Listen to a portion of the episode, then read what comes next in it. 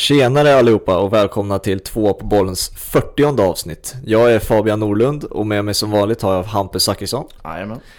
Och idag ska vi snacka om Leeds helt enkelt. Det är ett specialavsnitt, avsnitt 40. Vi släpper ju vart 20 avsnitt släpper vi det här specialavsnittet då vi gör en, ett klubbporträtt helt enkelt. Ja, och, men exakt. och idag är det Leeds och härligt också att det blir ett extra avsnitt för alla som lyssnar för folk har ju ingenting att göra på dagarna. Så. Nej men exakt. Fylla, fylla ut lite och kan nog tro att det här blir något längre än en timme. Vilket vi kanske vanligt, vanligtvis brukar hålla oss till. Ja. Så att, ja, absolut. Det blir kul för alla att lyssna på. Ehm, Men med det sagt så ska vi också nämna vår eh, nummer 40 helt enkelt. Och vi två har ju samma, det är Teron Mings i Aston Villa som har nummer 40. Ehm, En bra spelare, väldigt bra spelare. Ja verkligen. Han, eh, han är väl mest känd för oss svenskar som var den där mittbacken i Bournemouth som grufflade och delade ut en del, ja det var väl allt från armbågar till dobbar eh, egentligen mot Zlatan i Manchester United där. Eh, men eh, i Bournemouth lyfte han ju aldrig och jag personligen såg egentligen inte hur, hur han skulle bli något. Han eh, kan ju även spela vänsterback och det var, det var väl där han eh, gjorde många matcher i Bournemouth. Mm. Eh, men sen i Aston Villa så de plockade honom för väldigt stora pengar och det chockade mig. Eh, för att egentligen så såg jag inte, inte det lyftet i honom. Men det är väl tur att inte jag sitter i scoutingrummet på Aston Villa. eh, för att han har gjort en otrolig säsong, en breakthrough season på många sätt och eh, Mm. har ju blivit eh, aktuell för landslaget som vi kommer till. Men nej, sanslöst bra säsong i Premier League. Ja, tyvärr är han ju mest känd för eh, landslaget som sagt, i alla fall den här säsongen. Eh, hans England-debut i augusti månad. Eh, den, den debuten minns säkert eh, de som följer fotbollen väldigt väl, men för de som varken vet eller minns, det är ju då en match mot Bulgarien, hans första match som sagt med England.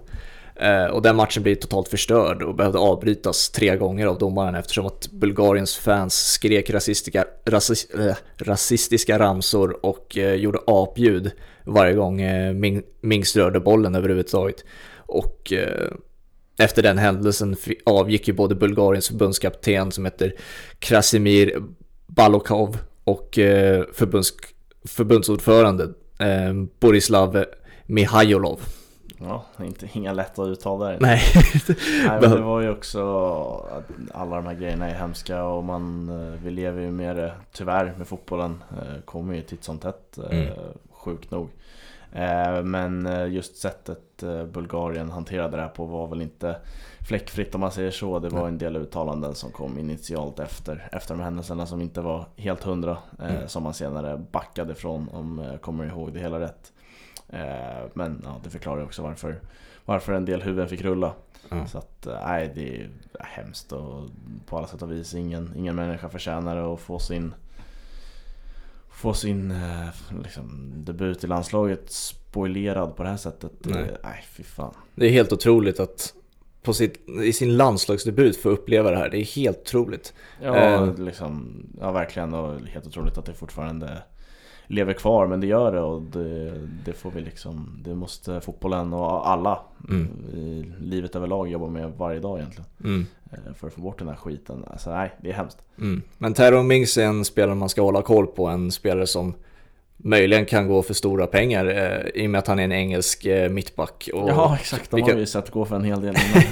kan säkert se, dem, eh, se honom i, ett, eh, i en stor klubb. Men med det sagt så ska vi dra igång avsnitt eh, 40 och Leeds klubbporträtt. Ja. Där vi kommer gå igenom klubbens historia, klubbens eh, olika spelare, ledare, ja, tränare, allt möjligt. Eh, olika matcher som vi kommer referera till. Så välkomna, det här kommer bli ett skitroligt avsnitt.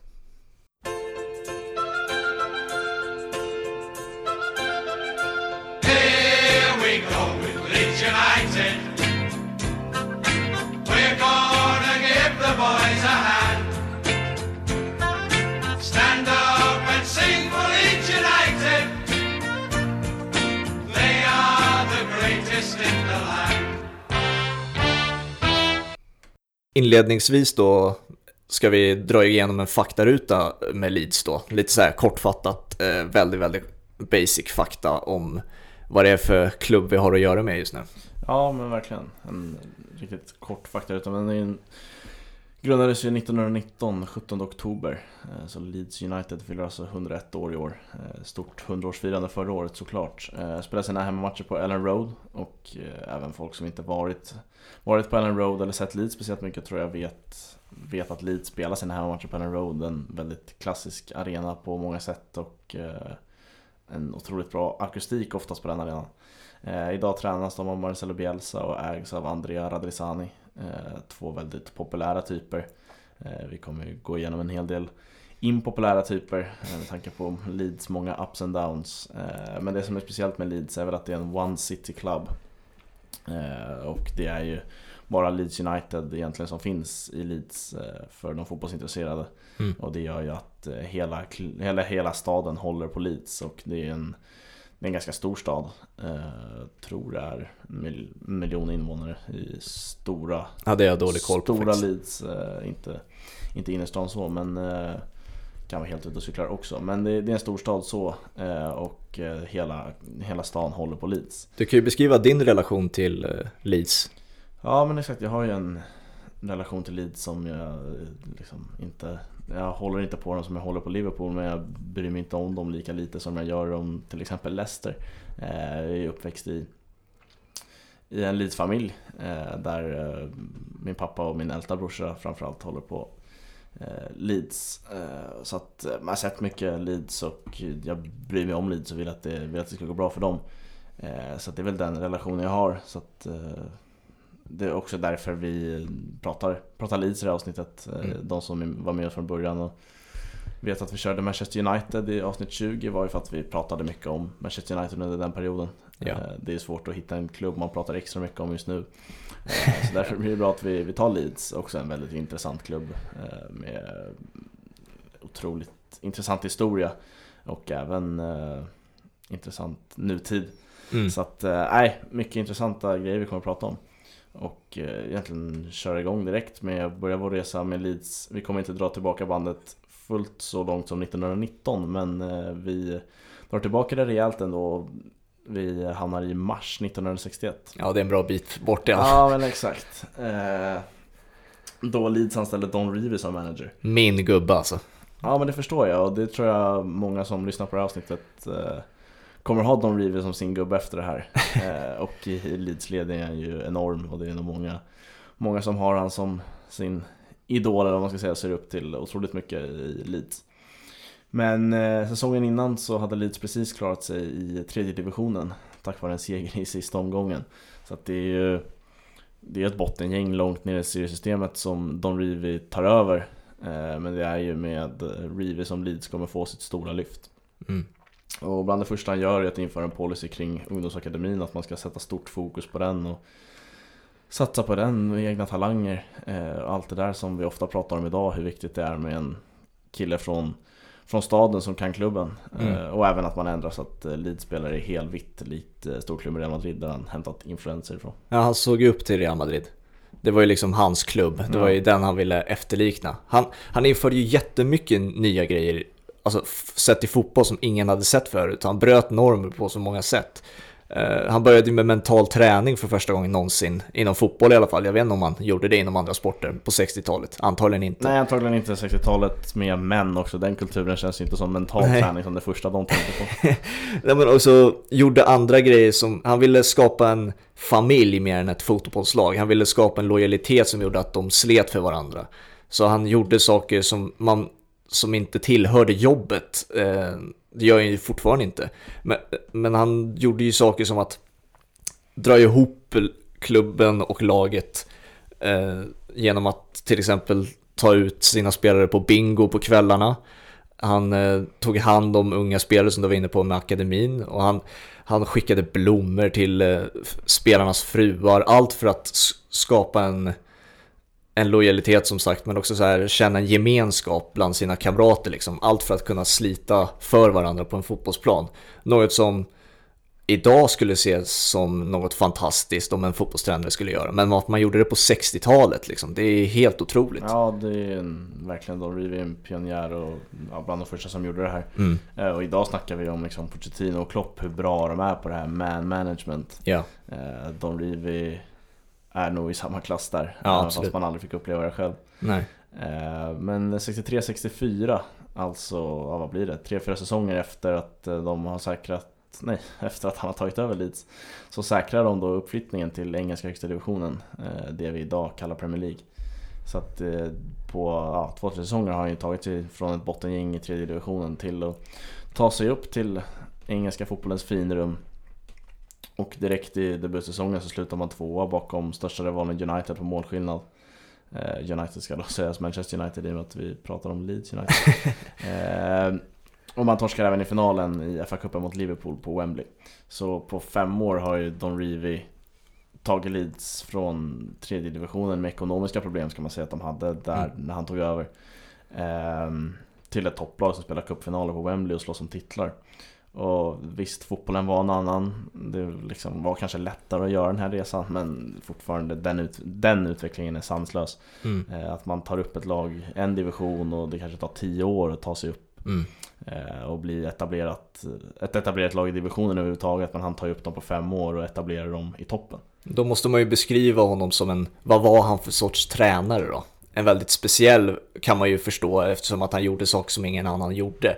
Men om man ska dra jämförelser då, som man helst inte ska göra såklart, men om man ska dra jämförelser med en modern tränare så är han väldigt lik José Mourinho på sättet han angriper matcher. Han, är en, han var en sån som, det är känt än idag, att han stod och eh, antecknade kompendier, stora alltså, han hade högar med papper på skrivbordet eh, på lag han analyserade som, han, som Leeds skulle möta. Och han, allting fanns med där. Svagheter och styrkor hos motståndarna och så svagheter och styrkor hos, hos eh, Leeds-truppen såklart. Och så bara satte han ihop en plan med spelarna. Så här vinner vi matchen. Han sket fullständigt i om det var snyggt eller eh, om, de, om Leeds spelade bra. Så så här utnyttjar vi deras svagheter. Så här gör vi mål. Och sen så här ut, utnyttjar vi eh, deras, eller så här försöker vi sabotera deras styrkor, ska man ju säga. Och oftast var det ju då att man skulle sparka dem lite hårdare. Leeds var ju väldigt, eh, vad ska man kalla dem, de var väldigt eh, smutsiga på sättet man spelade på. Det var väldigt hårt lag, väldigt fysiskt tid var det ju. Ja, och eh, de var nog absolut eh, fysiskt, mest fysiska lag som spelade i England då. Eh, och det var ju tack vare Reed. Ja, känslan är att Don Rivi kanske var liksom den bästa av tränare vi, vi har idag. Det man, det man siktar mot som tränare idag. Att vara väldigt duktig på det här man management men också vara otroligt förberedd i med liksom analyseringar och sånt där. Så Mm. att, eh, han, när man läser honom, ju mer man läser honom så förstår man ju vilken, vilken otrolig fotbollstränare det var. Eh, och vi har ju en tränare i Leeds idag som eh, lägger ner otroligt mycket tid på analys eh, och han kommer vi till. Ja. Eh, Men efter det här så etablerar sig Leeds som ett topplag och kommer topp 4 i ligan. Mest hela tiden. Man går långt i FA-cupen och nu är Leeds uppe på riktigt och slåss med de stora och det har ju gått otroligt fort som vi var inne på. Första titeln man tar gör man i, tar man i Intercities Fairs Cup. En turnering jag aldrig hört talas om. Men det är alltså en föregångare till Uefa-cupen. Eh, Den blev väldigt omarbetad så att man ska inte säga att det var Uefa-cupen eh, på något sätt. Men ja, är föregångare till det. Mm. Eh, Den titeln tar man mot Ferencvaros säsongen 67-68. Eh, Och den, det dubbelmötet som var i finalen då säger väl en del om kopplingarna till Mourinho som vi hade. Att det är en 1-0-seger hemma i första mötet på Ellen Road. Klassisk Mourinho. Ja exakt och sen åker man till Ungern och har 1-0 med sig, ja men då spelar man 0-0 och tar hem den här titeln. Så att eh, där kommer ju, just i den finalen så kommer ju Mourinho-kopplingarna rätt bra in. Mm. Eh, och efter den här titeln så bestämmer sig Don Rivi att det är dags att lägga allt krut på ligan. Eh, och när Don Rivi bestämmer sig för att satsa på ligan, ja men då vinner Leeds ligan också. Eh, säkrar den titeln i april redan 1969. Eh, och under den här säsongen sätter ju Leeds rekord i allt möjligt, antal poäng, eh, 67 poäng tog man. Dålig koll på hur många lag det var och hur många poäng som man, eh, som man fick för en seger. Men man vinner alltså 27 matcher och förlorar endast två. Ett rekord man satte också var att man tog mest poäng på hemmaplan under en säsong. Och sen hade de också en streak som Liverpool hade, hade den här säsongen och eh, Arsenals 49 matcher streak utan förlust. Eh, Leeds, eh, Leeds streak här slutade på 34 matcher utan förlust eh, och det är ett klubbs, klubb, klubbrekord som står sig än idag. Eh, men nu hade man ju slagit alla de här rekorden när man hade vunnit ligan. Eh, så då var det ju dags att satsa på trippen. Eh, och ett steg i det här var att man plockade in Alan Clark från Leicester eh, för 165 000 pund. Och det måste jag säga är en ganska dyr summa mm. om man sätter sig in i Ja men det är inför säsongen 69-70 man gör det här köpet. Ja. Och då måste man sätta sig in i vad pengar var värt då och vad fotbollen var i för ekonomiskt stadie. Man ja. köpte ju liksom inte spelare för de summorna. Nej absolut inte, det var sjuka pengar. Ja exakt, och det var ju också rekordet för, för en värvning i Premier League. Som den inte hette då, då, i England kanske man ska säga över, överlag. Eh, man lyckas tyvärr inte ta trippen. Man tar faktiskt inte någon av de tre titlarna man siktade på. Eh, men det blev finalförlust i FA-cupen. Semifinalförlust mot Celtic i Champions League. Eh, och en andra plats bakom Everton i ligan. Så att man, man var ju uppe där och nosade men det blev, blev ingen eh, trippel eh, överhuvudtaget för Don Revie. Men ja, man fortsätter ju vara ett av Englands bästa gäng om man prenumererar på topplaceringar och titlar. Eh, men sen eh, den här eran skulle ju komma till ett slut eh, och det gör den efter säsongen 73-74. Mm. Då Don Reeve väljer att ta jobbet som förbundskapten för England. Och det är det, möjligen det mäktigaste jobbet man kan få än idag och ja. ännu mer på den här tiden. Men alltså det intressanta med det är ju att han han nöjde sig inte med, med Englands jobb, alltså förbundskapten för England. För det var, vad sa du, 73 eller 74? Ja, efter säsongen 73-74 så måste det varit 1974 där sommar. Ja, så 77 då, han var inte nöjd med resultaten, han lyckades ju inte lika bra som han gjorde i Leeds. Mm. Så han beslutade sig för att avgå då 1977. Eh, och han då, hör och häpna, trä började träna då för Förenta Arabemiraterna, vilket är helt, helt ja. sjukt. Eh, något som såklart inte Eh, uppskattades överhuvudtaget i England. Eh, han eh, fick stämpel med hjälp av mediernas ja, press egentligen att han blev kallad för landsförrädare och han hade den stämpeln under ett bra tag innan han fick tillbaka den här legendarstatusen som han har idag. Det var ju då bland annat när han började bli sjuk där strax innan han gick bort. Då började de liksom alltså då började det där hatet svalna av och den där stämpeln som landsförrädare försvinna för att man insåg okej, okay, det här är en legend som kommer leva kvar i historieböckerna så det är ja, dags att visa ja, lite respekt. Exakt, liksom. hade inte så långt kvar. Så det Men det känns ju verkligen schysst att den, den stämpeln försvann. Men det är ju intressant också för att han stannade ju i Mellanöstern ett bra tag för att han, han började ju träna ett, en egyptisk klubb också efter han var klar med förbundskaptensjobbet i Förenta Arabemiraterna. Så att Ja, sånt där hjälper väl bara att bygga liksom legender runt om Rivi ännu mer på något sätt. Ja. Att han försvann till Mellanöstern och körde på där. Eh, och jag kan tänka mig för, för England också på den här tiden, 73-74 och en stund efter det. Det var inte så att eh, engelska journalister åkte till Mellanöstern och körde en Instagram live hur det gick för Don Rivis klubb. Liksom. Det, det, var en helt annan tid nu så att kan, man har nog inte så mycket info om liksom, Don Rive under de åren. Nej. Och överlag så English abroad liksom. Mm. Det, är, det är något speciellt när en engelsk spelare eh, Spelare framförallt spelar i mm. en annan, annan klubb än idag. Då är vi 2020. Eller en annan klubb. Mm. Ska jag säga en annan, annan liga än eh, inhemska. Men han bröt ju mark. Han var ja, ju, han bröt, som jag sa tidigare, han bröt normer. Han var, inte, han var speciell. Ja, det var ju sätt. det han pysslade med. Och under sina 13 år som manager för Leeds så gick det ju rätt bra. Han, ledde dem till två ligatitlar, en fa Cup-titel, två segrar i den här Intercities Fairs Cup då. Och sen på det en Charity Shield och såklart en titel i andra divisionen när de tog sig upp.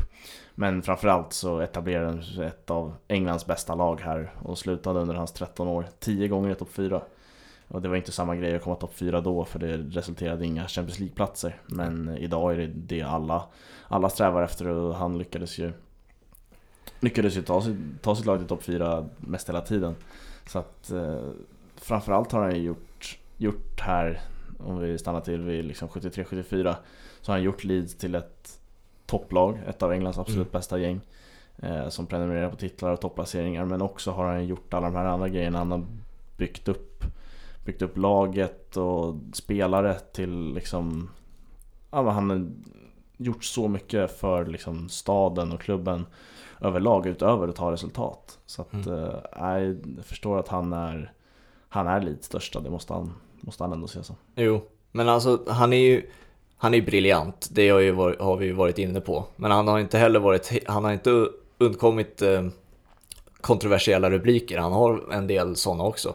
Eh, det kom ju fram efter hans tränarkarriär var slut att eh, han hade mutat en hel del eh, lag och domare i England eh, eh, under sin tid i Leeds och eh, det ska ju tilläggas att ingen av de här anklagelserna, han blev ju inte dömd för någon av Nej. anklagelserna så att det är varken eller. Han, anklagelserna finns där så därför är han ju en kontroversiell figur också. Och, eh, och så, men det, det ska man ju inte ha, det ska inte definiera honom och hans tid i Leeds liksom. Det är ju annat som han har gjort det, som det är... framgångarna och vad han gjorde med Leeds som klubb.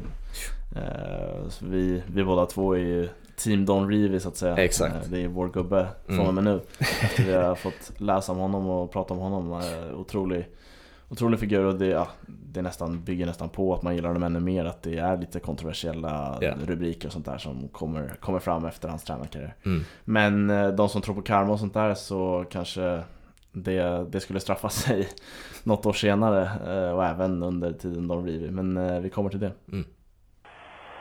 Lorima und Tor! Tor durch Dieter Lorimer in der 66. Spielminute. 1 zu 0 für Leeds United. Yes, vi eh, spolar fram bandet några månader i alla fall. Eh, vi hamnar 28 maj 1975 och det är nog ett datum som är fast etsad på minnet hos eh, många Leeds United-supportrar.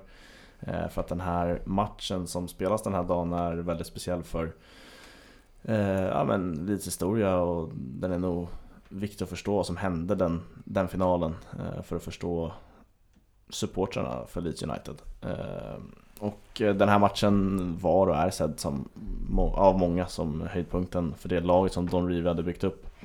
Eh, Don Rivi var inte kvar.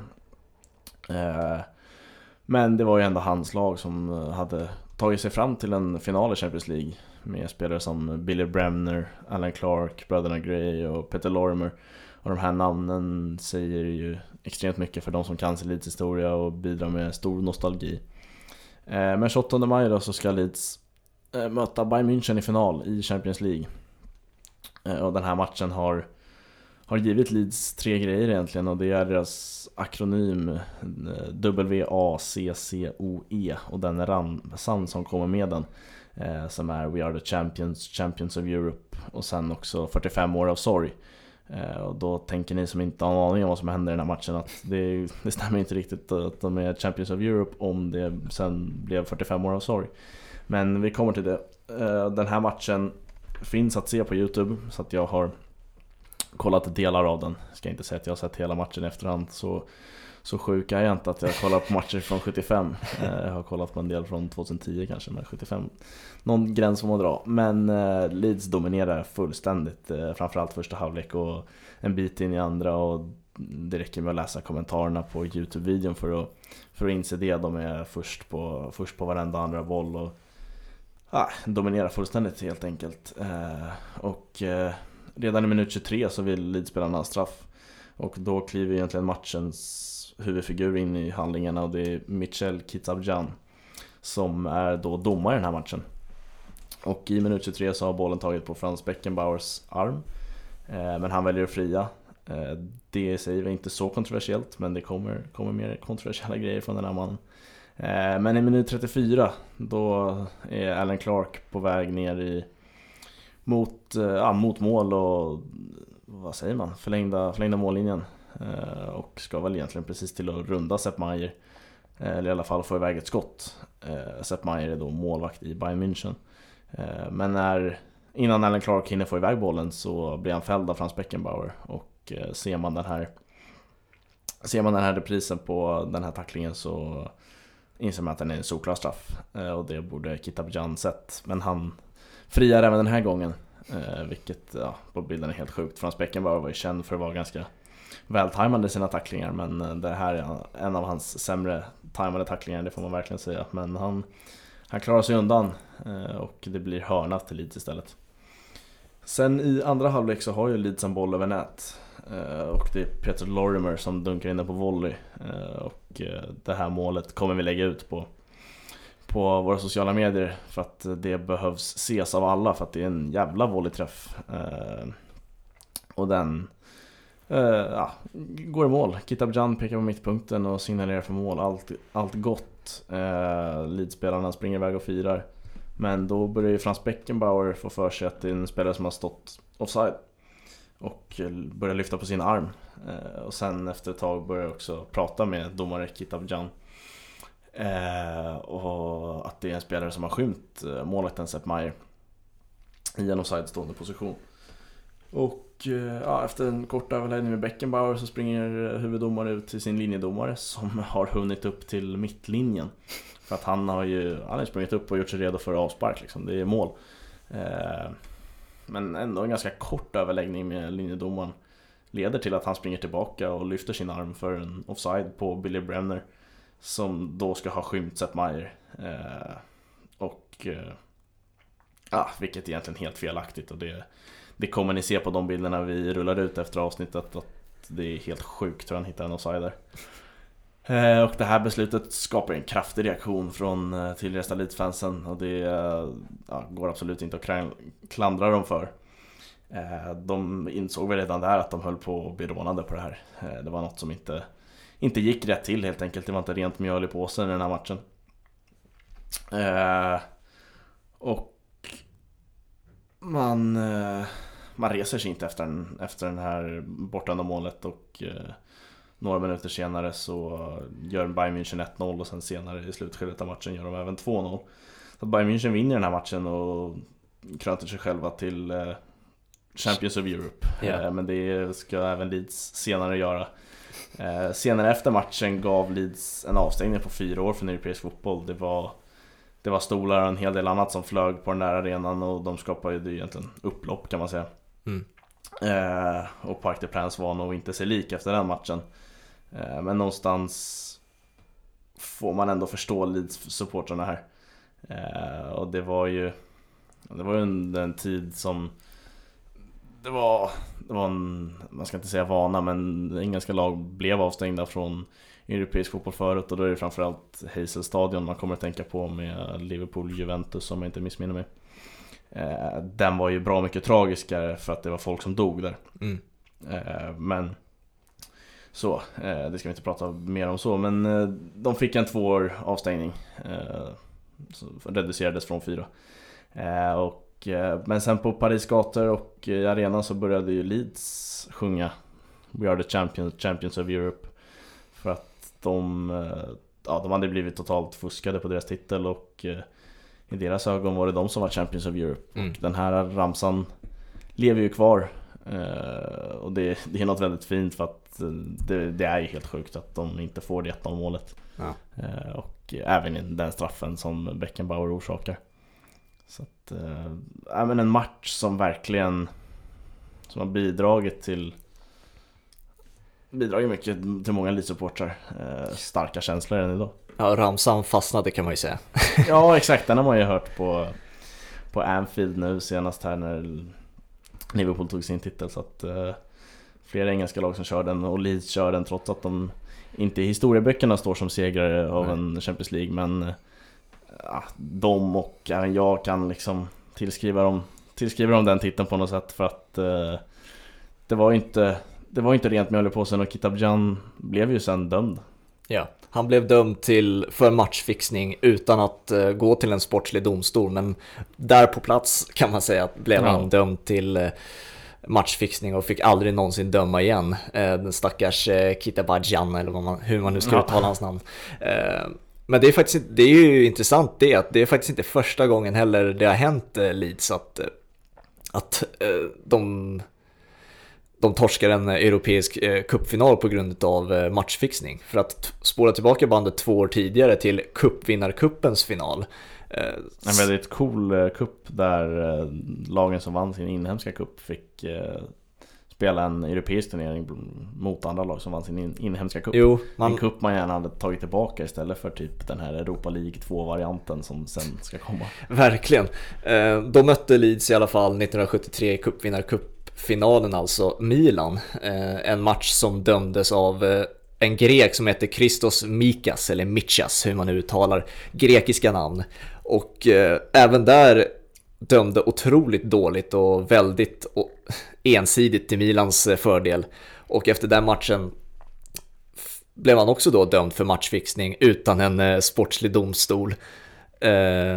Och fick inte heller döma någonsin igen. Så det är ett dåligt mönster Leeds har i, europeiska finaler med matchfixning. Ja, verkligen. Verkligen. Och det, det måste man ändå någonstans gilla att båda, båda de domarna blev dömda på plats egentligen. Alltså det, var liksom, det här var så såklart så att eh, det liksom behövs ingen domstol. Du får inte ens en advokat. Det är Nej. bara liksom försvinn vår sport. Eh, lite så. Och det Ja.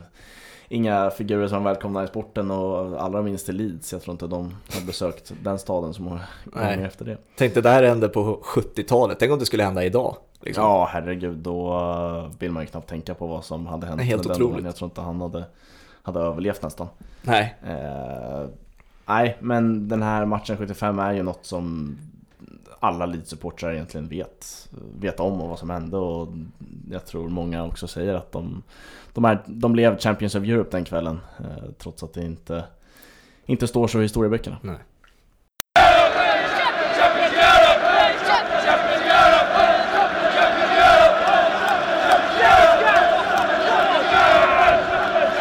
Men det ska sägas att allt var inte guld och gröna skogar och efter att Don Reeve eh, hade lämnat laget och Eh, man åkte, man åkte efter, en, efter några år ner till andra divisionen. Eh, man skulle ju sen studsa tillbaka men till exempel så gjorde eh, legendaren som spelare Billy Bremner som tydligen enligt Kitab Jan stod offside där 75 eh, ett försök som tränare att eh, ta tillbaka laget till högsta divisionen och misslyckades 1988 eh, och fick eh, senare sparken eh, 89. Är det den största legenden eh, Leeds har? Alltså som Ja. spelare? Ja men det får man ju ändå säga. Han står ju som eh, staty utanför klubbshoppen Mm. eh, på, vid Allen Road. Eh, och eh, varje, varje match så eh, sätter man ju fast, eh, eller det kanske alltid är så, jag vet inte. Men man, eh, man sätter fast eh, halsdukar och flaggor på Ja. Brenda-statyn. Så att absolut, det är nog Leeds största. Och, och även, han blir ju kanske ännu större än Don Revie bara för att han han liksom lever kvar längre så. Det är Mm. fler som har fått uppleva Billy Bremner som spelare än eh, Don Reeve som tränare. Men eh, sen kommer Howard Wilkinson in när Billy Bremner får sparken. Eh, och utan att göra några som helst övriga jämförelser så liknar ju det Wilkinson gör med Leeds lite det Don Reeve gjorde i alla fall på plan. Ska inte svara för vad Wilkinson, hur stor hur stor påverkan han hade på laget i övrigt. Men på plan så tar man in Gordon Strachan. Eh, Jag vet att det här är en spelare som min pappa har som personlig favorit. Eh, Men man tar in honom som från Manchester United. Eh, Gör han till kapten direkt. Vad gör honom till favorit då för farsan? Jag vet inte, det var väl under en period där pappa följde, följde Leeds mycket. Eh, Och eh, liksom man är, hur gammal var han här? 75, 85, 25 år typ. Ja. Eh, Vi vet ju hur mycket vi, vi följer fotbollen nu. Mm. Eh, Och just att ja, han var väl en otrolig spelare. Eller var väl, han- det var han. Mm. Eh, Och tog upp, tog upp Leeds från Championship eh, till högsta divisionen. Ehm, Jag ska säga det, de här ligorna heter ju inte Champions League 75 som jag säger. Utan det är ju bara för att alla ni ska förstå vilken, vilken turnering vi pratar om. Ja. Ehm, De heter inte Premier League och Championship just nu. Eh, Där vi är i historien men eh, det blir lättare för alla att förstå. Eh, Men Strachan blir kapten från Manchester United, rivalen då. Och man går upp den här säsongen och som nykomlingar slutar man fyra och året efter vinner man ligan. Så att lite det här med Don Revie, den snabba, snabba tillbakastudsningen liksom. Mm. Liknar ju det Howard Wilkinson gjorde med laget. Eh, och den, eh, de vann ju ligan där 91-92 det är den sista säsongen innan engelska högsta divisionen blir Premier League då, så nu, nu har jag ju till och med rätt när jag pratar om Premier League. eh, och sen, ja men de, de tidiga åren när ligan byter till Premier League blir inga roliga år för Leeds. Man slutar 17 platsen i ligan eh, när man har bytt namn och man lyckas faktiskt inte vinna en enda bortamatch vilket är sjukt. Och det säger väl en del om vilken borg Ellen Road alltid har varit för. Att, Jo, eh, absolut. De stannar ju till och med uppe i ligan bara på grund av vilken borg Ellen Road är. Så är det. Eh, och i Champions League blev det såklart ett tidigt uttåg när man inte ens var speciellt bra i engelska ligan. Eh, men ja, Leeds skulle ju senare studsa tillbaka i de europeiska turneringarna. Och vi spolar fram till, till 2001 egentligen, kanske lite innan. När återtåget till den stora scenen börjar med, först med George Graham. Som tar laget till Uefa-cupen, det som idag heter Europa League. Eh, sen lämnar han efter två säsonger för att ta över Spurs. Eh, för att faktiskt ta en titel med Spurs. Hör där, hör och häpna. Bara en sån sak. Så att eh, George Graham vet hur det är att vinna i Spurs. Det är inte många som vet. Nej. Eh, Men i Leeds tar David O'Leary över som varit assisterande till George Graham. Och under O'Learys ledning så slutade, slutade Leeds aldrig utanför topp 5 i ligan. Men eh, framförallt är det väl säsongen 2000-2001 som är speciell på grund av vilket jävla lag de hade Leeds och eh, hur långt de gick i Champions League. Den här säsongen startar man ju i Sverige faktiskt. Aj då. Oj, oj, oj. Eh, Där man spelar tre träningsmatcher, bland annat mot Jönköping Södra på Stadsparksvallen. Fint. Där vinner man med 5-1. Så att Leeds kanske borde köra oftare än försäsong i Sverige. Jo, Det gick, gick rätt bra den säsongen. Eh, och ja, det som är absolut mest intressant för er lyssnare är nog laget som Leeds ställer upp med den här säsongen. Eh, köra igenom elver och sådär, det blir inte så jävla bra i poddformat. nej. Men liksom spelare som Rio Ferdinand, Mm. vet vi nog alla eh, hur bra han blev sen och hur bra han var här också. Harry Kewell, Mark Viduka, Alan Smith, Dominic Matteo, Lee Bowyer. Det är ju spelare som på den här tiden sanslöst bra och även spelare som efter det här skulle gå vidare och vara otroligt bra. Man hör på namnet Viduka, man vet, man hör på namnet vilken spelare man har att göra med. Ja, det, är verkligen. en, det är en hårding där. Det är tyngd i det namnet och det har tyngd i hans, hans fötter också. Eh, Så det är ett ruggigt bra lag som Leeds ställer på benen eh, och man är framme vid- i en semifinal eh, mot Valencia. Eh, Vägen fram till semifinal går via ett gruppspel med AC Milan, Barcelona och Besiktas. Där Leeds lyckas sluta två efter Milan och skicka Barcelona till Uefa-cupen. Eh, Sen tog man sig vid en andra gruppspelsomgång som det var på den här tiden. Eh, där, man kom före, där man kom tvåa i gruppen igen, före Lazio och Anderlecht.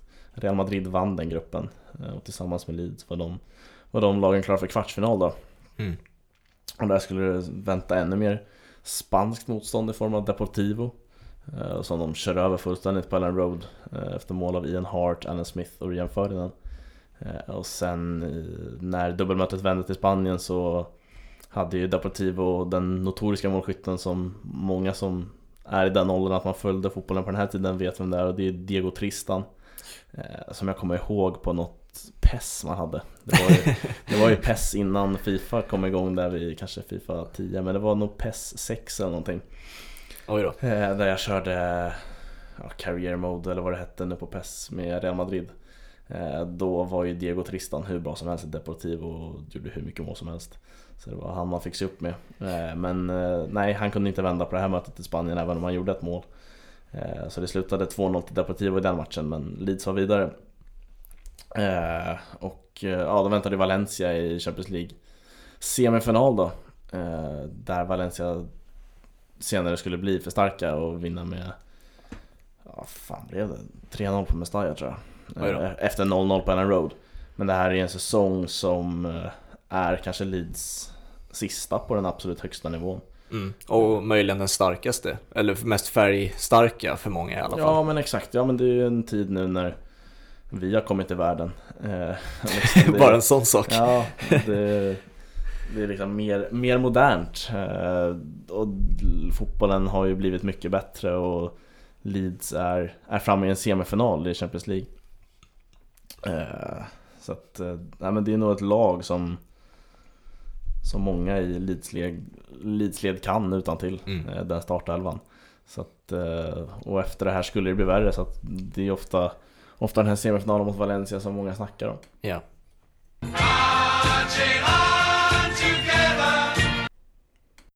Och nu kanske vi kommer till den mest kända episoden i Leeds historia ändå, har, har det ändå kommit, kommit att bli eftersom att den är så extremt kontroversiell och, och det, det här man, många förknippar med Leeds nu, nu för tiden, det ekonomiska raset. Ja men verkligen. Under, eh, under ordförande Peter Ridsdale som eh, var ordförande under den här eh, ja, men, tillbakatåget till den absolut största, största scenen och eh, när man var Premier League under många år. Eh, så tog de då när man gick till Champions League eh, stora lån. Med tanke på att de hade ju de hade ju tänkt att backa upp det här med tv-rättigheterna och sponsorintäkterna från från Champions League-kval och ja, även sen huvudturneringen. Ja. Eh, Men efter det här så lyckas, lyckas de inte kvalificera för Champions League under två raka säsonger.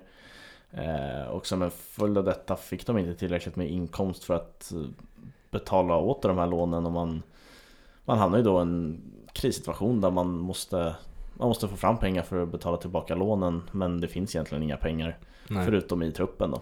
Man, eh, det, är ett känt citat från Peter Ridsdale som eh, han sa ju We lived the dream, alltså vi levde drömmen, vilket enkelt kan översättas till vi spenderade pengar vi inte hade och hoppas, hoppades på det bästa helt enkelt. Ja men exakt, de blev, blev naiva och ja, som, som du säger inne på att de spenderade pengar som inte fanns. Eh, och den första indikationen på att klubben var i ekonomiska problem är ju försäljningen av Rio Ferdinand till Manchester United. Eh, den absolut största rivalen man har i Leeds. Eh, för cirka 30 miljoner pund. Eh, väldigt mycket pengar. Blev ju då världens dyraste försvarsspelare. Ja men exakt, och så här, rent pengamässigt en bra, en bra försäljning men också en försäljning som Leeds inte hade behövt göra om de inte var i de här Nej, nej. eh, ekonomiska problemen.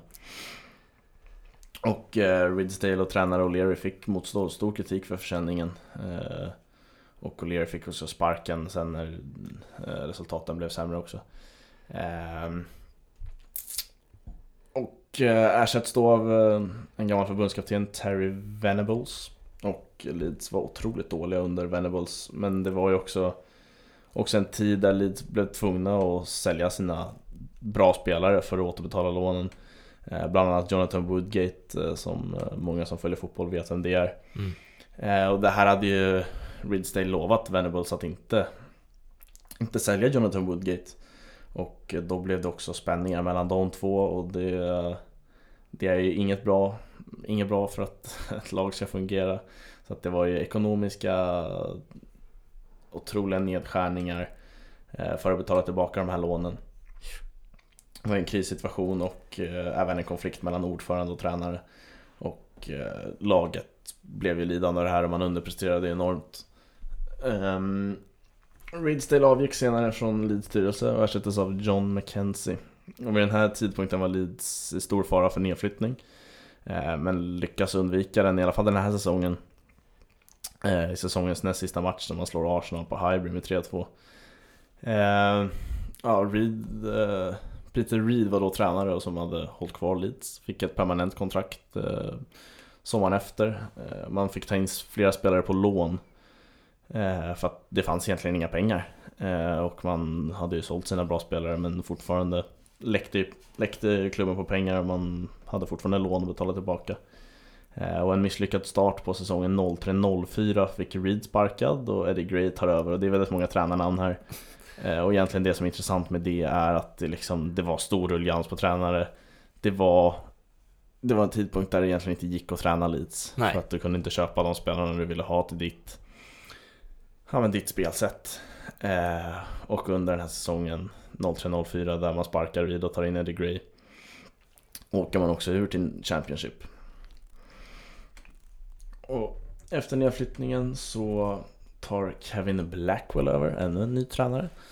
Eh, och eh, ja, egentligen de återstående spelarna som hade något sorts värde för Leeds eh, såldes och typ resten släpptes på free transfer för att minska lönerna och eh, de stora utgifterna Leeds hade. Och det är ofta så för ett lag som åker ur Premier League. Man har ju otroliga utgifter eh, som man absolut inte har råd med i Championship. Nej.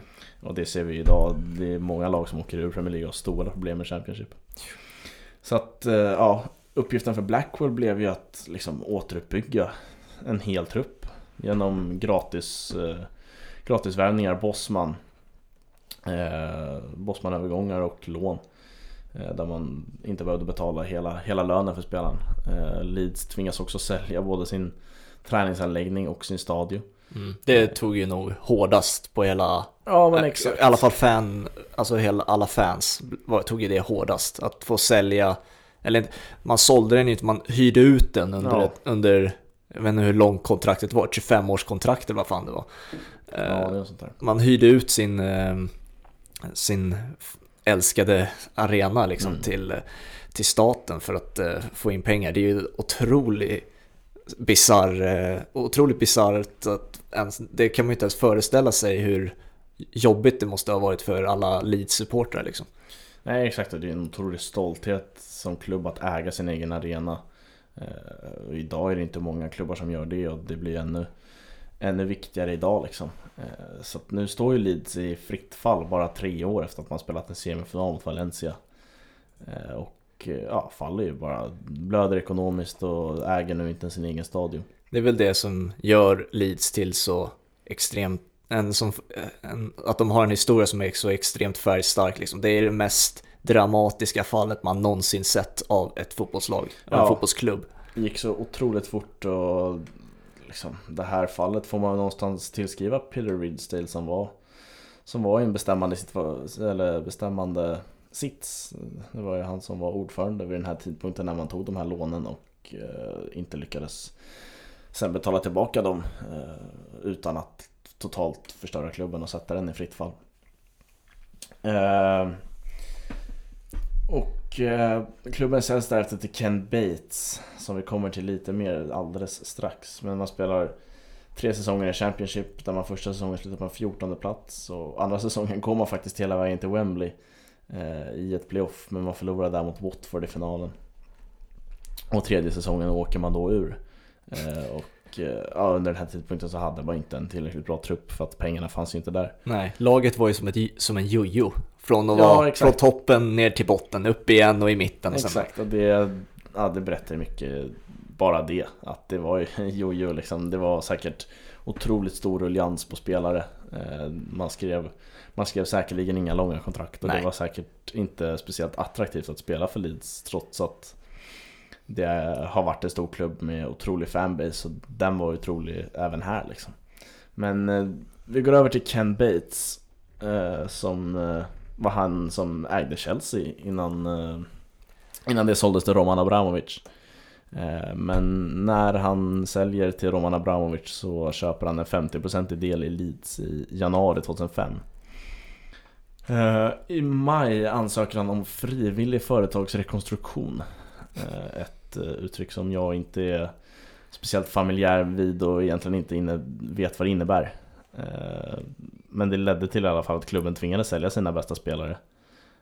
Och därefter kommer också raset hela vägen till League One. Men det här gjorde också att Leeds senare skulle bli skuldfria. Mm. Det här var ju ett, ett, ett, nu fick det sportsliga lida, nu var det dags att liksom rädda klubben för, Ja, för alla ekonomiska skulder. Nu skulle man tillbaka liksom. Så att man, man omstrukturerar sig efter det här och man blir också skuldfria från de lån som Ridsdale tagit. Eh, Men, och sen efter några oklarheter om ägarskapet så bekräftade Leeds 2011 att Ken Bates är ägare. Oklart, eh, dålig koll på varför det var oklarheter om vem som äger klubben. Jag det tror det var, ja exakt, det var oklart vem som hade, eh, vem, vilka investerare som ägde klubben. Ja. Så när han väl köpte den av de här eh, onämnda investerarna, så när han köpte klubben loss från dem, då, då var ju han som var ägare, men ingen visste vart han hade köpt dem ifrån, var han hade köpt alla de här andelarna av klubben ifrån. Nej. Men eh, vi går tillbaka till 2007 eh, För att Ken Bates av det jag förstår är ingen figur som är speciellt omtyckt i Leeds led Nej. Även om han var en del av vägen tillbaka på något sätt Eh, Men där 2007 så startar Leeds Leeds en Flower Power-kampanj där man lägger ut blommor, tröjor och flaggor runt eh, Billy Bremner-statyn utanför arenan för att visa stöd för sin klubb men också i något sorts led sätta press på Football League eh, som då inte hade gett Leeds klartecken att få spela i League One just på grund av de här ekonomiska den svåra ekonomiska sitsen de hade. Mm. Eh, och han, han var inte speciellt populär och pengar lades på annat än spelare. Eh, på annat än spelare. Bland annat så var det någon märklig radiostation som startades som gick åt helvete. eh, som Ken Bates hade lagt ner pengar på istället för att köpa spelare.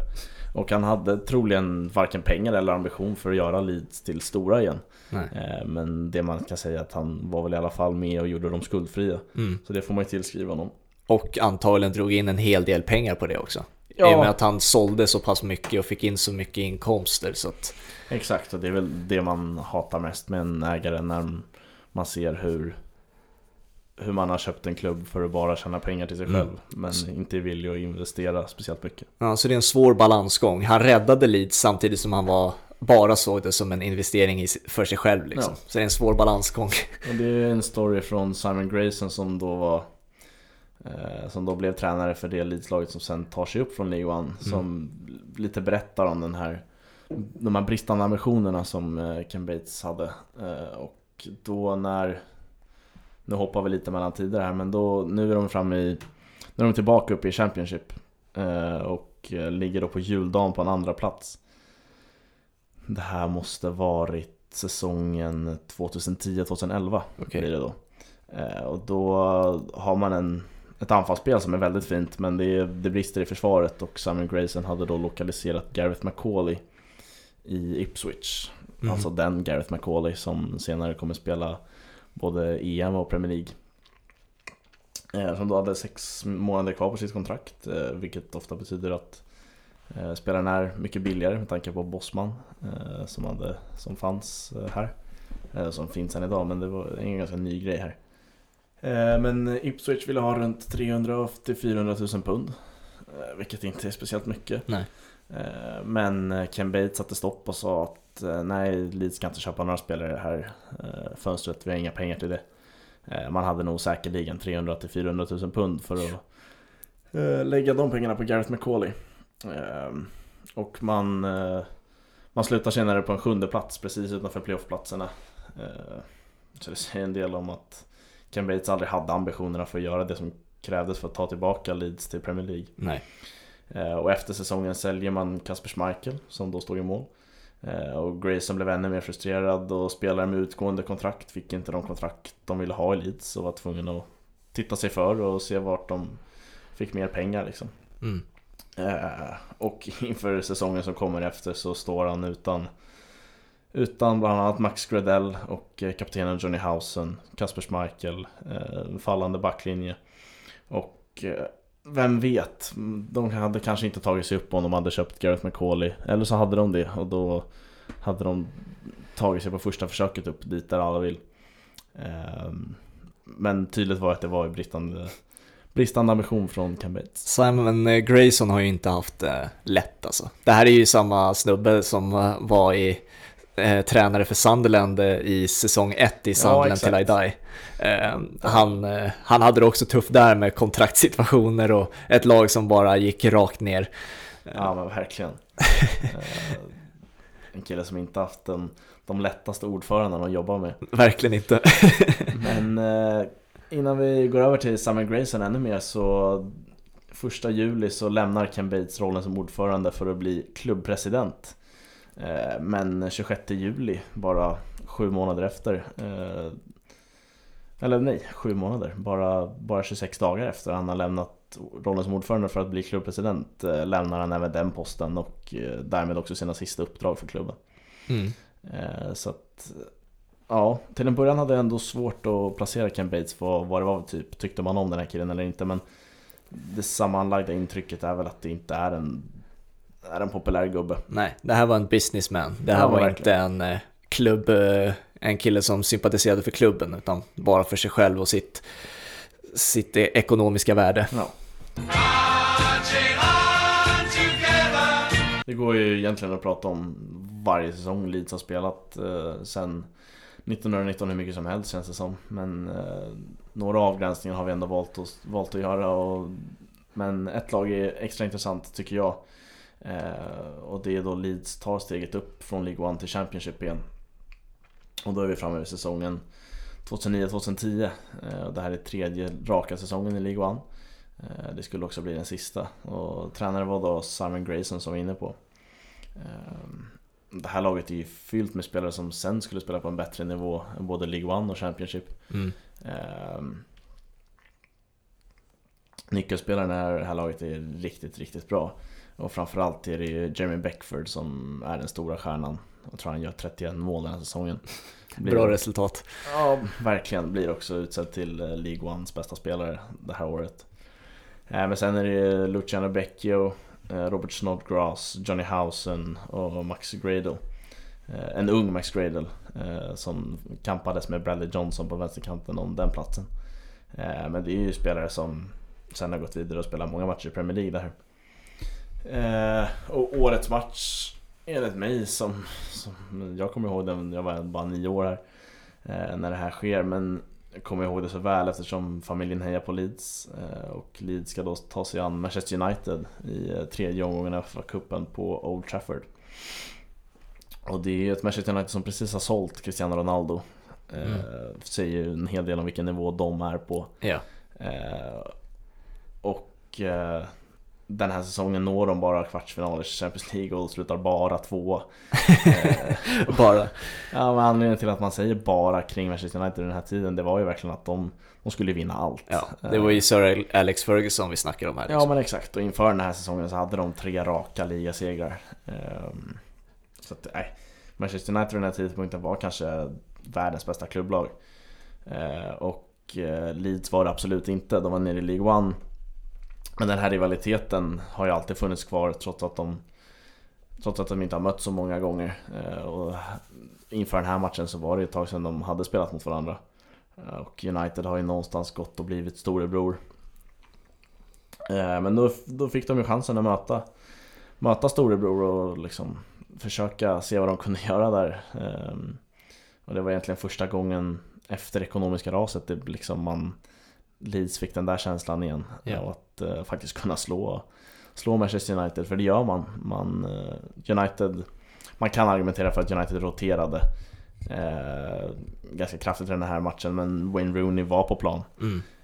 Och en hel del andra, och liksom rotationen i ett lag som är bäst i världen Det är fortfarande väldigt många bra fotbollsspelare eh, Men ja, de slår ju United på Old Trafford efter mål av Jeremy Beckford och eh, jag kommer ihåg matchen så väl, men också dagen efter när jag och min storebror Som håller på Leeds eh, går och köper Sportbladet just för att han han ville ha den upplagan efter att Leeds hade slagit eh, Manchester United i FA-cupen liksom. Kan man ju förstå. Ja, och då är det ju en, ett Sportbladet som pryds av en blodig eh, Patrick Snorbo Som hade, hade väl skallat ihop med någon under matchen eh, Och fått ett sånt där klassiskt bandage runt huvudet Mm. eh, Men det hade ju blötts igenom fullständigt ändå Så att, eh, ganska lik, eh, nu tappade jag namnet på honom men Engelska kaptenen mot Sverige Engelska kaptenen mot Sverige. Ja, men det är ju den där matchen som egentligen sen leder fram till att man förbjöd spelare att spela med blod på tröjan. Jaha, ja jag vet vilken den- match du Ja menar. exakt, den vita engelska tröjan har ju blivit röd i den matchen. Ja. Eh, lite så liknande Patrick Snorber den här matchen, det var, det var my- mycket blod. Eh, Målet är ju klass också, det är ju kick and rush kan man ju säga. Ja, verkligen. Den ligger uppe på våra sociala medier för övrigt för de som vill se den. Ja men exakt, eh, det skickar vi upp där. Ja men det är ju kick and rush eh, i dess esse. Det är en lång boll som Beckford springer på, otroligt snabb eh, striker och sen ett eh, ruggigt bra avslut. Eh, Men ja, den här säsongen tar man sig upp i League One också och det var väl för väl när man lyckas slå Manchester United till och med. Mm. Och sen tror jag att de åker till och med på Tottenham i lottningen eller någonting så att de, det var ingen lätt lottning och åker ut där också. Ja. Men Beckford och Becchio, det är en anfallsduo som man fortfarande pratar om i Leeds Och liksom som, som en av de ljusglimtarna i en väldigt mörk period när man var nere i League One och spelade Eh, Och de gör ju tillsammans i ligan det här året 40 mål, Beckford står för 25 och Becchio 15 Så att det var ju de i mångt och mycket som tog dem upp till Championship igen. Mm. Ja, nu är det en helt jävla sanslös säsong vi ska sätta tänderna i. Eh, Leeds är tillbaka i Championship, men eh, som sagt, som när vi pratade om Simon Graysons eh, lokalisering där av McAuley när man ligger på en andra plats eh, och, men sen misslyckas med att ta en playoffplats så har man ju efter det inte speciellt, varit speciellt nära en playoffplats. Ja, vi är framme vid 2014-2015 och eh, det man ska ta med sig in i den här säsongen är ju att eh, Massimo Celino är ägare. Mm. Och alla som kan lite om honom vet ju vad det kan innebära. Ja. Och det kommer ni också få veta och höra om. Men tanken var ju också att han skulle ta, inleda som Leeds ägare ett år tidigare än vad han faktiskt gjorde. För att, eh, ja de som har koll på honom, han, eh, han gjorde ju sig skyldig eh, för skattefusk i Italien innan det här. Och vad, vilket gjorde honom såklart olämplig för, för det engelska regelverket att, eh, att tillåta honom vara en, en ägare för en engelsk klubb. Men eh, det räckte med att vänta ett år tills det engelska regelverket sa okej då, du får, väl, du får väl köra på då med ditt Leeds. Så han fick inleda då som ägare sommaren 2014 då helt enkelt. Ja, ja det här är, ja exakt. Det är där vi är nu. Eh, och Dave Hockaday tar över som Leeds eh, Uniteds manager. Eh, kommer från, närmast från Green Forest Rovers. Eh, ett lag som senare, på senare år har tagit sig upp till League 2 tror jag. Men det var ju ett non, non-League team vid det här laget. Och det är ju en kille, det drivs som väldigt mycket redan från start egentligen. Kallas The Hock på, på Twitter under den här perioden. Men han är i alla fall tränare. I alla fall när de åker till Italien på försäsong eh, och träningsläger. Och där möter man ett italienskt amatörgäng eh, och vinner den matchen med 16-0. Och det kan man ju ifrågasätta hur, hur givande den matchen var för, ja, för alla inblandade egentligen. Men det var inte så att Leeds eh, fick, ja, fick känna på något motstånd egentligen. Man fick väl rulla runt rätt mycket boll och efter det 16 målet så tar ju målvakten den italienska Marco Silvestre en löpning på dryga 100 meter och ställer sig i det italienska amatörgängets mål istället. eh, för att han hade ingenting att göra så att det var ju lika bra att ställa sig i det målet och mota sina, sina medspelares bollar istället. Fantastiskt fin historia. Ja, nej, sanslöst varför man ens möter ett italienskt amatörgäng. Men ja, ja, Marco Silvestre fick i alla fall löpa 100 meter och ställa sig i båda målen den matchen. Eh, försäsongen är inte så speciell egentligen. Man vinner, kanske man ska nämna att man vinner endast med 2-0 mot Guiseley som då spelade i sjätte divisionen. Eh, men man slår också Dundee United från eh, skotska ligan. Men eh, säsongen skulle då till att börja. Det blev förlust i premiären mot en, annan, en annan rival, Millwall. Och efter två röda kort och 4-1 i rökan mot Watford hade Celino först fått nog av eh, Hockaday. Men ändrade sig och tog sen på sig själv skulden för den dåliga starten på säsongen. Men eh, 28 augusti, då får till slut The Hock gå efter att ha åkt ut i ligacupen mot Bradford. Och det är alltså endast 70 dagar eh, sedan han tog över klubben. Ja. Och 28 augusti, det, det hör ni själva vilket datum det är. Det är liksom, säsongen har ju knappt börjat då. Eh, Championship börjar ju rätt tidigt för att de har ju typ 100 matcher att spela igenom. Så att eh, han får då sparken. Och 28 augusti står man utan tränare och med Celino vid ägarskapet. Då ska han ju infria allt man kan förvänta sig med en galen italienare på, på ägar, ägarposten. Eh, vi tar oss till 25 oktober och då har det alltså inte gått ens två månader efter att De Hock fått sparken. Då har man redan sparkat en till tränare. och det var Darko Milanic som fick, eh, som fick ta den eh, och lämna, packa ihop sina grejer och lämna kontoret. Eh, och då får akademitränaren Neil Redfern ta över rodret i början på november. Han måste ju ha varit livrädd. Alltså, Ja, alltså han är säkert absolut inte kvalificerad för det här jobbet Men det var väl å andra sidan inte Hockade eller Milanic. Nej, men så här, två tränare har sparkats på mindre än tre månader. Bara, nu är det din tur. Man bara, ja, hit vill jag. Ja, verkligen.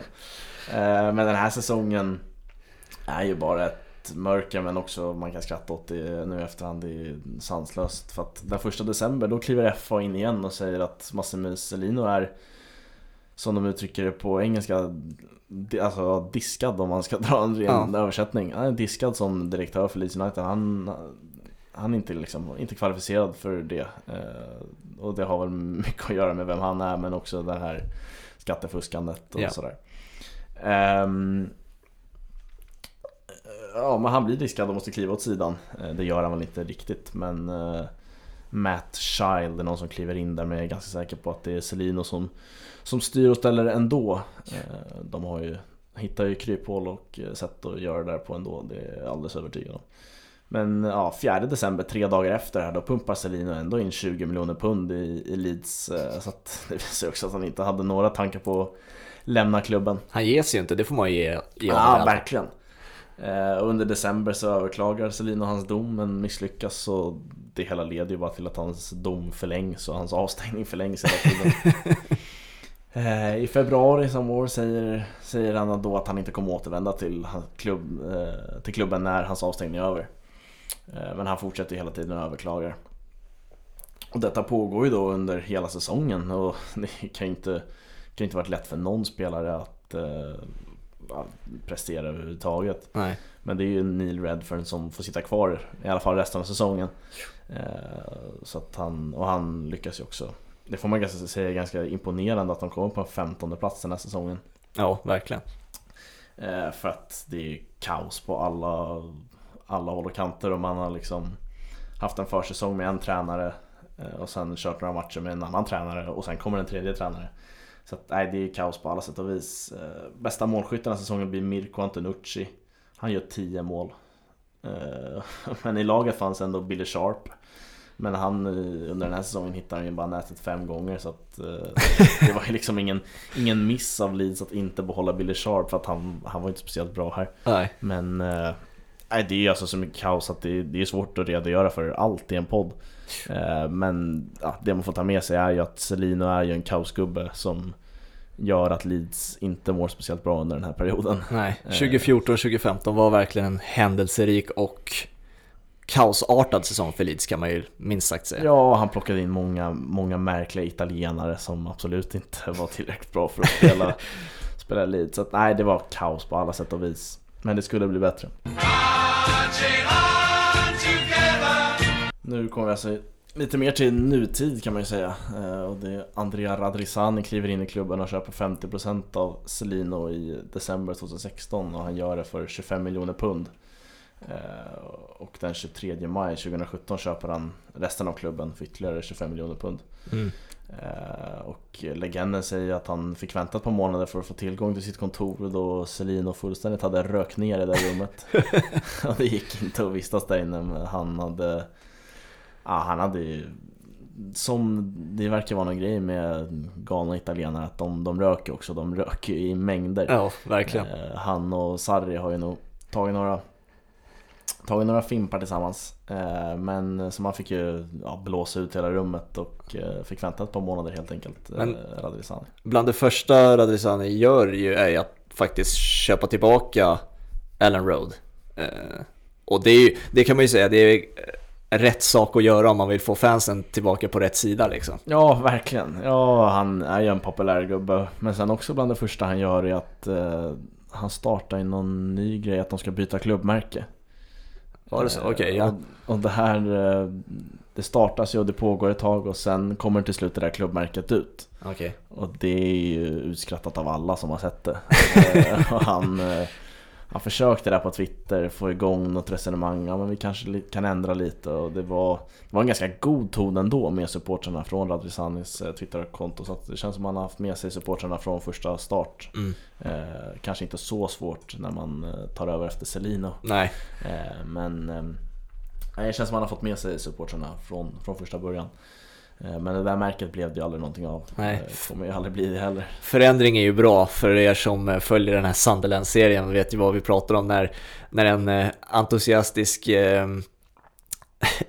ägare och delägare vill förändra saker. Det är oftast positivt menat, men om det blir för mycket då kan det bli lite för jobbigt. Ja, exakt. Charlie, han som vi följer i Sunderland till I Die säsong 2, vet ju vad, de som följer den serien vet ju vad vi menar när vi säger Charlie och hans, hans jobbiga sätt att leda en fotbollsklubb. Ja, en fantastisk karaktär måste man säga. Eh, otrolig, man, man behöver se det för att förstå vad vi menar. Ja. Men han kanske inte ska leda en fotbollsklubb kanske. Nej. Eh, Men eh, om vi liksom, Salino inledde ju säsongen 2016-2017 som ägare men hade ju i stor utsträckning lugnat ner sig och egentligen tappat, tappat geisten och glöden att kämpa för Leeds på något sätt. Det vet jag fan om han gjorde från början ändå men liksom leda den här fotbollsklubben var han nog inte speciellt sugen på längre. Och Radlizani får större och större inflytande. Och den här säsongen när Gary Monk är tränare så ligger ju Leeds till största delen av säsongen på playoffplatser. Eh, Men det är ju en total genomklappning på slutet av säsongen som såg Leeds sluta precis utanför playoffplatserna på en sjunde plats. Är det Gary Monks eh, som får ta på sig det eller? För att han var ju väldigt, han är fortfarande en väldigt ung tränare, men då var han ju det framförallt. Ja, här var han ju verkligen liksom på gång. Mm. Eh, Gary Monk, han hade ju haft Swansea i Premier League och försökt rädda dem. Ja. Eh, gick helt okej för honom där. Eh, och så tog han över Leeds och gjorde det riktigt bra. Men ja, det får man nog se det som att eh, man får tillskriva det- det till honom. Men också var det en trupp som inte riktigt var redo för det här. Mm. Det var det var mycket Selinos bygge fortfarande. eh, och man levde ju mycket på, um, på den där backlinjen. Med Pontus Jansson, Kyle Bartley, eh, Luke Ayling. Eh, vad hette vänsterbacken då? Ja, Berardi spelade en hel del. Eh, där Pontus Jansson blev ju stor, stor figur direkt när han kom in till den här säsongen. Mm. Eh, fans, fan favorite på en gång. Eh, och sen är det också en, en forward som som gör att Leeds ens var med och slåss om det och det är Chris Wood som gör 27 mål den här säsongen. Mm. Den nuvarande Burnley-spelaren. Ja exakt, och det är verkligen en spelare som passar Burnley otroligt bra. Ja. Eh, Men ett tungt tapp för Leeds eh, när han lämnar efter den här säsongen. Men det var ju egentligen i efterhand så här ett ganska ihåligt gäng. Och man på, på de sista sju matcherna tar man sex poäng. Eh, Och det, äh, det räcker inte om man ska ta sig till de där playoffplatserna. Hörde du om eh, historien om Chris Wood på Old Trafford här på den här säsongen? Den, under den här säsongen. Nej, Men hans- med. Med hans näsa. Nej. Han hade ju två matcher innan eh, den här säsongen, eh, två matcher innan de mötte Manchester United brutit eh, näsan. Han hade brutit näsbenet. Mm. Och, eh, men han kör Chris Wood kör ju inte med mask va? Han, han, han kör bara på. Så två matcher efter han hade brutit det där näsbenet, då, då var han Old Trafford som sagt och mötte Manchester United, gör ett mål. Och sen då i firandet så kommer den där klungan av Burnley-spelare och ska fira. Och det är lite för kraftiga kramar så han får till slut en axel upp på näsbenet så han bryter den igen. Ah, fy fan. Det, alltså, en klunga av Burnley-spelare, det är en tung klunga. Verkligen. Det är mycket muskler alltså. Så att man förstår ju att den näsan gick av igen. Ja. Nej men det var ju det var ett ihåligt egentligen Leeds-lag som överpresterade stora delar av säsongen. Eh, Men självklart blir det ju Blir det ju typiskt Leeds på något sätt eh, Att man hamnar på den där sjunde platsen Och missar playoff precis Eh, Sen 2017-2018 är ju ett eh, stort mörker eh, Där eh, danske Thomas Christiansen kommer in eh, Och blåste ganska positiva vindar När han kom in bland fans Man kände väl att eh, Fan, vi har ju ett lag som kan vara med och slåss om playoffplatserna. Eh, Gary Monk ska sägas fick ju mycket skit för att lämna, för att lämna Leeds. Mm. Eh, och det kan man förstå. Eh, det, var, var märkligt att han gjorde det, men han gick ju till eh, Ja, det var Middlesbrough där han hade, fick en mycket större budget att jobba med. Eh, men gick åt helvete där för Gary Monk och det är många Leeds-supportrar som gläds åt idag kan jag tänka mig. Mm. Eh, Men eh, Christiansen får ju sparken i februari efter en rad dåliga resultat och eh, Barnsleys Heckingbot som tar över. Eh, Men är en total flopp egentligen och eh, slutar på 13 plats den säsongen. Eh, och då står man ju lite vid ett vägskäl, man inte riktigt vet vad man har Leeds. Eh, de har gjort en, vi är uppe i en 10 säsonger i Championship kanske. Eh, och ja, vem ska ta över? Man står utan tränare igen.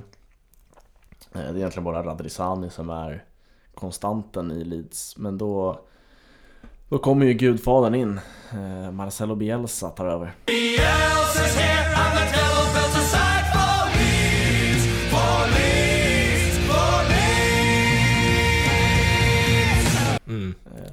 här är ju, ja, det är ganska sjukt att han tar över Leeds för att han han tar ju sällan, han har ju aldrig tagit över egentligen ett storlag. Det är väl kanske Marseille som är bland Ja. de topp fyra i, i den liga han tar över i men han tar ju aldrig över de absolut största trots att han kanske är den absolut största. Jo, vad är den finaste sessionen han har? Alltså Athletic Bilbao är min favorit tror jag. Ja det är nog, ja Hans, absolut. när han fick eh, en spelare som Ander Herrera, De Marcos och Ja, Mona exakt. in. De fick, och med Fernando Llorente på topp, han fick ju laget att spela mer vack, vackert än vad Barcelona och Real Madrid gjorde den säsongen. Det var otroligt eh, lag han lyckades få ihop.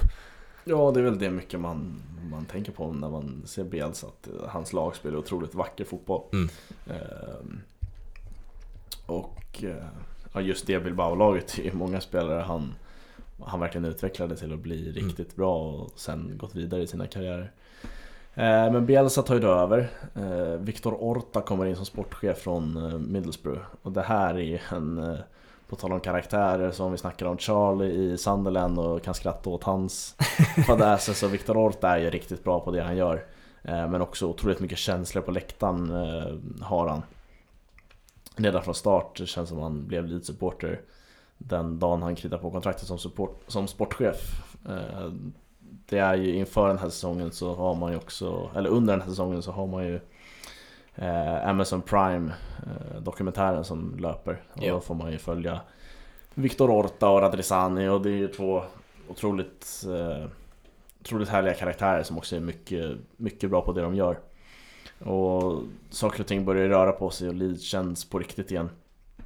Det ryktas ju ett tag om Fernando Torres Ja. eh, För att Marcelo Bielsa hade varit sugen på honom tidigare Men man fick nöja sig med Bamford från Stoke det, är, ja, det är skillnad på dem eh, Även om man inte ska kasta någon skugga över Bamford Vilket år var det här? faktiskt är bra Ja nu är vi framme vid förra året Så, säsongen så då var, han i Kina, eller var Torres i Japan då, eller hade han precis, Nej. skulle han precis gå? Han kritar på för Japan den sommaren istället för att krita på för Leeds då om man väljer att se det så Vad är det för val?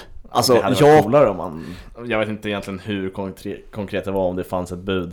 Men eh, hade han varit villig att gå ner i lön lite så hade han ju spelat i Leeds Ja, alltså absolut. för mig är det en no-brainer. När, man, har- när Leeds finns till, tillgängliga med Bielsa och de är på väg upp. Då, då kritar man på, inte drar till Japan liksom. Nej, cashen skulle in där.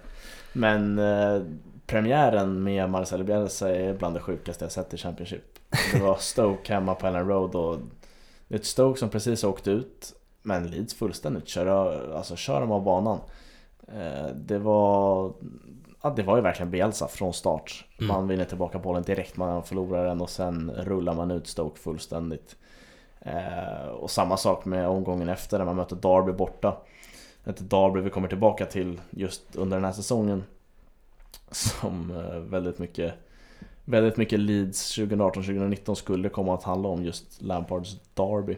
Mm. Eh, men eh, det är 4-1 borta, borta mot Derby, fullständig kross. Eh, och man kände att ja, ja, Leeds går upp som vinnare i år liksom. Ja. Eh, det var lite saker som hände den här säsongen. Först, eh, först kom ju då Spygate där Leeds blev anklagade för att ha haft en spion på Darbys träning Precis. inför, inför hemmamötet mot Derby på Ellen Road. Då.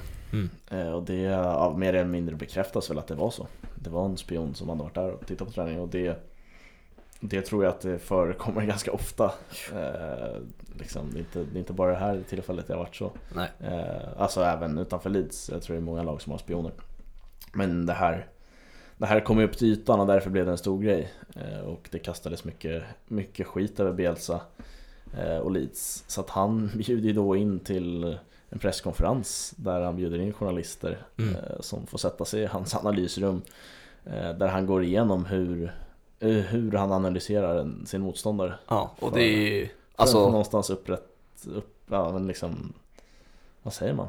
Ren, rent på sitt namn på något sätt. Det, det handlar inte om spioner det här, det handlar om grundlig analysering. ja, jävlar vilken, de, alltså det tipsar vi verkligen om att Alltså om man på något sätt kan googla upp fram det, youtube upp det. Ja. Alltså otroligt eh, händelserik eh, presskonferens där, alltså där ser man hur mycket tid den där mannen lägger ner på fotboll och fotbollstänkande och analys. Liksom. Ja, han, han är ju bara fotboll, alltså, Ja. han lever för fotbollen. Otroligt av Bielsa.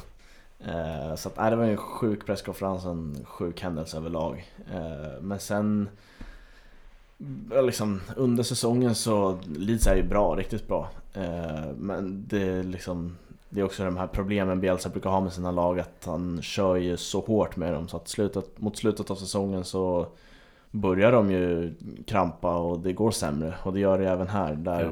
de tar 10 poäng sista sju matcherna. Eh, men i år, eller förra året så räckte ju det till ett slutspel i alla fall i och med att man hade så fina resultat innan. Mm. Eh, Och då är man framme vid ett slutspel där man ska möta Derby. Eh, Och i bortamatchen, nu har jag inte, framf- nu har jag inte resultaten framför mig men i bortamatchen så vinner man i alla fall. Jag kan försöka få fram den samtidigt som vi fortsätter prata men det är alltså att Leeds som har gått från att vara ganska osäkra på man, man vet inte vart man har dem eh, till att eh, Bielsa har kommit in och de är framme i ett slutspel nu och folk börjar ju drömma och sjunga om, om Premier League igen. Mm. Och i med att man man vinner också, ja man vinner ju den, jag får inte fram resultatet där, men man vinner ju matchen mot Derby borta. Eh, och ska ju bara hålla undan hemma på Ellen Road. Ja. Eh, Och den matchen min, minns jag väldigt väl. Eh, vi satt, satt hemma med pappa, storebrorsan och en polare till en polare till min storebrorsa Jocke som jag vet följer vår podd. Mm. Eh, så lyssnar säkerligen på det här avsnittet också. Men eh, nej, man hade ju någonstans laddat upp, eh, laddat upp för den här matchen, även jag. Ja. Det blev ju en stor grej liksom att nu skulle Leeds, Leeds ta sig till Wembley egentligen. Och det räckte ju bara med att kryssa eller slå Derby hemma. Men Leeds tar väl ledningen i den här matchen också. Men sen svänger det ju fullständigt och Derby kommer tillbaka in i matchen. Och när eh, jag ska inte smuttkasta fel spelare men jag tror det är eh, Gaetano Berardi som åker på ett rött kort. Eh, var inte han så får be om ursäkt om det. Be- Ber om ursäkt för det. Men jag är ganska säker på att det var han. Eh, och då vid det läget är Leeds fortfarande vidare till Wembley. Mm. Eh, men då, jag vet inte, Bielsa tappade fullständigt. Han, han väljer alltså att gå ännu mer offensivt med sitt lag. Eh, trots en man mindre. Och det är autobahn på mittfältet och försvarsspelet. Derby hade så mycket ytor. Och eh, det leder ju också till att Derby får in en boll och eh, slår ut Leeds eh, i det där slutspelet. Och Bielsa är ju en tränare som är väldigt svår att läsa av. Mm. Så att känslan var väl direkt så här, jaha, är Bielsa kvar nästa säsong, det har man ingen aning om. Det, det är han ju just nu men den förlusten tog, tog ganska tungt på mig med till och med för att jag hade laddat upp för det där och hade verkligen sett fram emot Leeds i en Wembley Wembley-final och man eh, man hittar ett sätt att förlora på på något Ja. sätt. Eh, Vinna, vinna lag liksom, man brukar ofta säga om det att de hittar sätt att vinna matcher även om de inte spelar bra alltid. Men Leeds hittar ju här nya sätt att förlora på där man kliver fram offensivt helt huvudlöst eh, med en man mindre. Och lyckas ju åka ut mot Derby. Ja. Och det, ja, men det, jag kan tänka mig för Leeds-supportrar så om vi ska gå över till tvåa på pucken så följer jag AIK Hockey väldigt nära. eh, och där, där AIK åkte ut i ett slutspel förra säsongen, ja, det blir förra, förra i och med att eh, vi har spelat en säsong i år. Eh, men eh, där var jag framme i ett finalspel Mm. och på hemmaplan skulle man defilera, defilera hem matchserien och eh, ta sig till eh, ett, s- ett sista kval då mot SHL-laget och där vi blir fullständigt överkörda av Oskarshamn. Eh, Och det var liksom, det var sån tomhet, man visste inte var man skulle ta vägen. Nej. Eh, Och det, det är nog så jag ser Leeds-supportrarnas känsla efter den matchen för det var, man skulle bara till Wembley. Eh, Och nu blev det inte så. så att, eh, och den tog också en del på mig. Så att, eh, det var en helt sjuk, eh, sjuk förlust det där. Och helt plötsligt är vi framme till nutid. Ja, nu tid. De är ju de är ju riktigt bra Leeds i år igen. Ja. Eh, Men ja, jag vet inte, i år är det inte Leeds som hittar ett sätt att inte gå upp och det är ju hela världen som lyckas hitta ett sätt och det är väl det är ganska signifikativt för den här säsongen att det är Leeds och Liverpool som kanske drabbas allra, allra Mm. hårdast av det här. Klubbarna som alltid hittar ett sätt att inte lyckas vinna. Ja men exakt. Ehm, ja, helt sjukt. Men nu nå- nås jag rapporter idag här att eh, Premier League har fått klartecken från, eh, från eh, staten att dra igång i juni eh, utan publik. Okej. Eh, Och ju, man läser ju bara om Premier League, hur det ska spelas igen. Ja. Så att jag vet inte men jag kan tänka mig att det blir någon liknande lösning i Championship. Mm. Eh, Men samtidigt så finns ju risken där att hela säsongen stryks. Mm. Eh, Men Leeds ligger i dagsläget på en andra plats eh, när hela, hela fotbollsvärlden har pausats. Och det är alltså en direktplats till, eh, till Premier League. Ja. Så att, äh, men Bielsa har ju gjort eh, otroligt mycket med den här klubben på en väldigt kort tid och det finns det finns liknelser att dra till Don Revie eh, helt klart här. Mm. Eh, på vilket sätt han ja, men, har bidragit med glädje igen till staden. Eh, vad han har gjort på plan. Hur grundlig hans analys är av motståndarlaget. Så att eh, jag hoppas att Bielsa blir, blir kvar i Leeds. Eh, oavsett hur den här säsongen slutar. För det känns som om den här säsongen skulle strykas så känns det som Bielsa går vidare med sitt liv. Mm. Men ja, är otroligt älskad figur i Leeds-led. Och då var vi framme då. Vi var i mål. Nu har vi dragit igenom Leeds United eh, som eh, ja, ett klubbporträtt helt enkelt får vi ju ändå kalla det. Jag tycker det passar bättre än ett lagporträtt för att nu har vi faktiskt dragit igenom och analyserat hela klubben. Ja, Inte- verkligen. Ibland i, i väldigt stora drag men också i en hel del detaljer. Eh, Och det har varit, eh, varit kul för oss att göra det här avsnittet eh, och jag tror också att det har varit kul att lyssna på. Mm. Eh, för att avrunda hela lidsnacket så kan jag väl passa på att tipsa om att åka, åka till Leeds och se Leeds. eh, För att Ellen Road är en spektakulär arena. Eh, Och sen ska ni även gå på The Old Peacock inför matchen. Eh, Ta någon bärs eh, och eh, suga in stämningen där för att det är ett av de absolut bästa haken som finns eh, någonstans i världen för att ladda upp inför match. Eh, The Old Peacock alltså. Eh, det är alltså en utegård.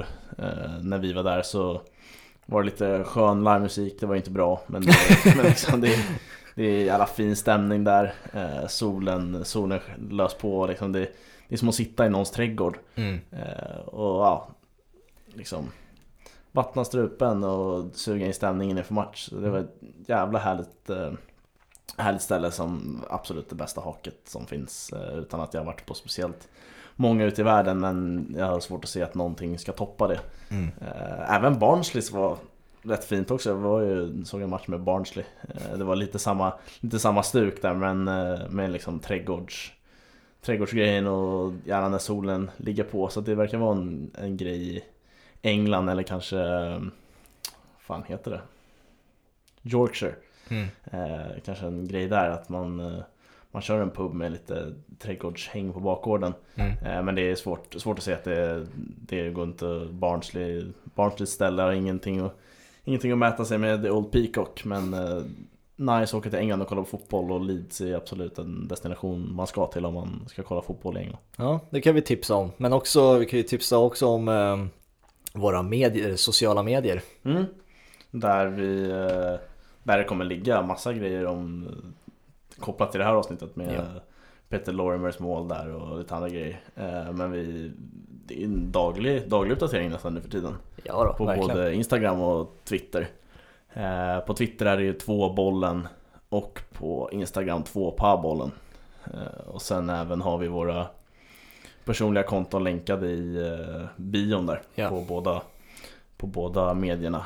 Eh, Där vi också twittrar på om fotboll. Mm. Så vill man följa oss när vi, när vi pratar fotboll så kan man även följa våra personliga konton. Yes. Så att ja, det var väl det. Var väl det. Vi, Mm. En redig genomgång av eh, Leeds United och eh, det här har varit ett, ett omfattande avsnitt men också väldigt roligt att spela in. Mm. Så får vi se vilket, eh, vilken klubb vi kör porträtt i om 20 avsnitt. Eh, får ni gärna också lämna kommentarer kring. Men eh, tills dess, eh, ta hand om er i dessa tider. Fortsätter vi hälsa. Eh, och eh, följ regler och sånt där från myndigheter. Rekommendationer. Rekommendationerna ska alltid följas. Eh, och sen så hörs vi snart igen. Tack så mycket för att ni lyssnade. Tackar, ha det, tja! Ciao! Game of Thrones and Leeds have more in common than you'd know. Drama, intrigue, love and loss, a battle for the throne. Fans and the Arctic to the Amazon via Belfast and Buenos Aires, Leeds United coursing through our veins like an all-consuming virus. I grew up in a small town in Denmark. My dad an Arsenal fan. Dad wanted me to be a gooner too, but I had grander plans. Early 90s, come to England, visit Ellen Road, and once I'd heard the Leeds fans sing, a seed of love was sown. Though in 30 years, Leeds have had their ups and, and many downs. Matteo and Beckford, points deductions, third division grounds. Long and winding list of failure. A swordsmith called the Huck. 21 coaches later, look who just rocked up. There's a new King in the North. You can smell it in the air. The best coach in the world comes to save us from despair. And tonight, thoughts of 72 when Leeds last won this cup. Beating Arsenal. Clark 1 0. Billy Bremner lifts it up. Now whisper it quietly in Leeds. But we think Marcelo Bielsa may be the one. The godfather who coached Leeds to play again. Just like they did for Dawn. Come on, Leeds!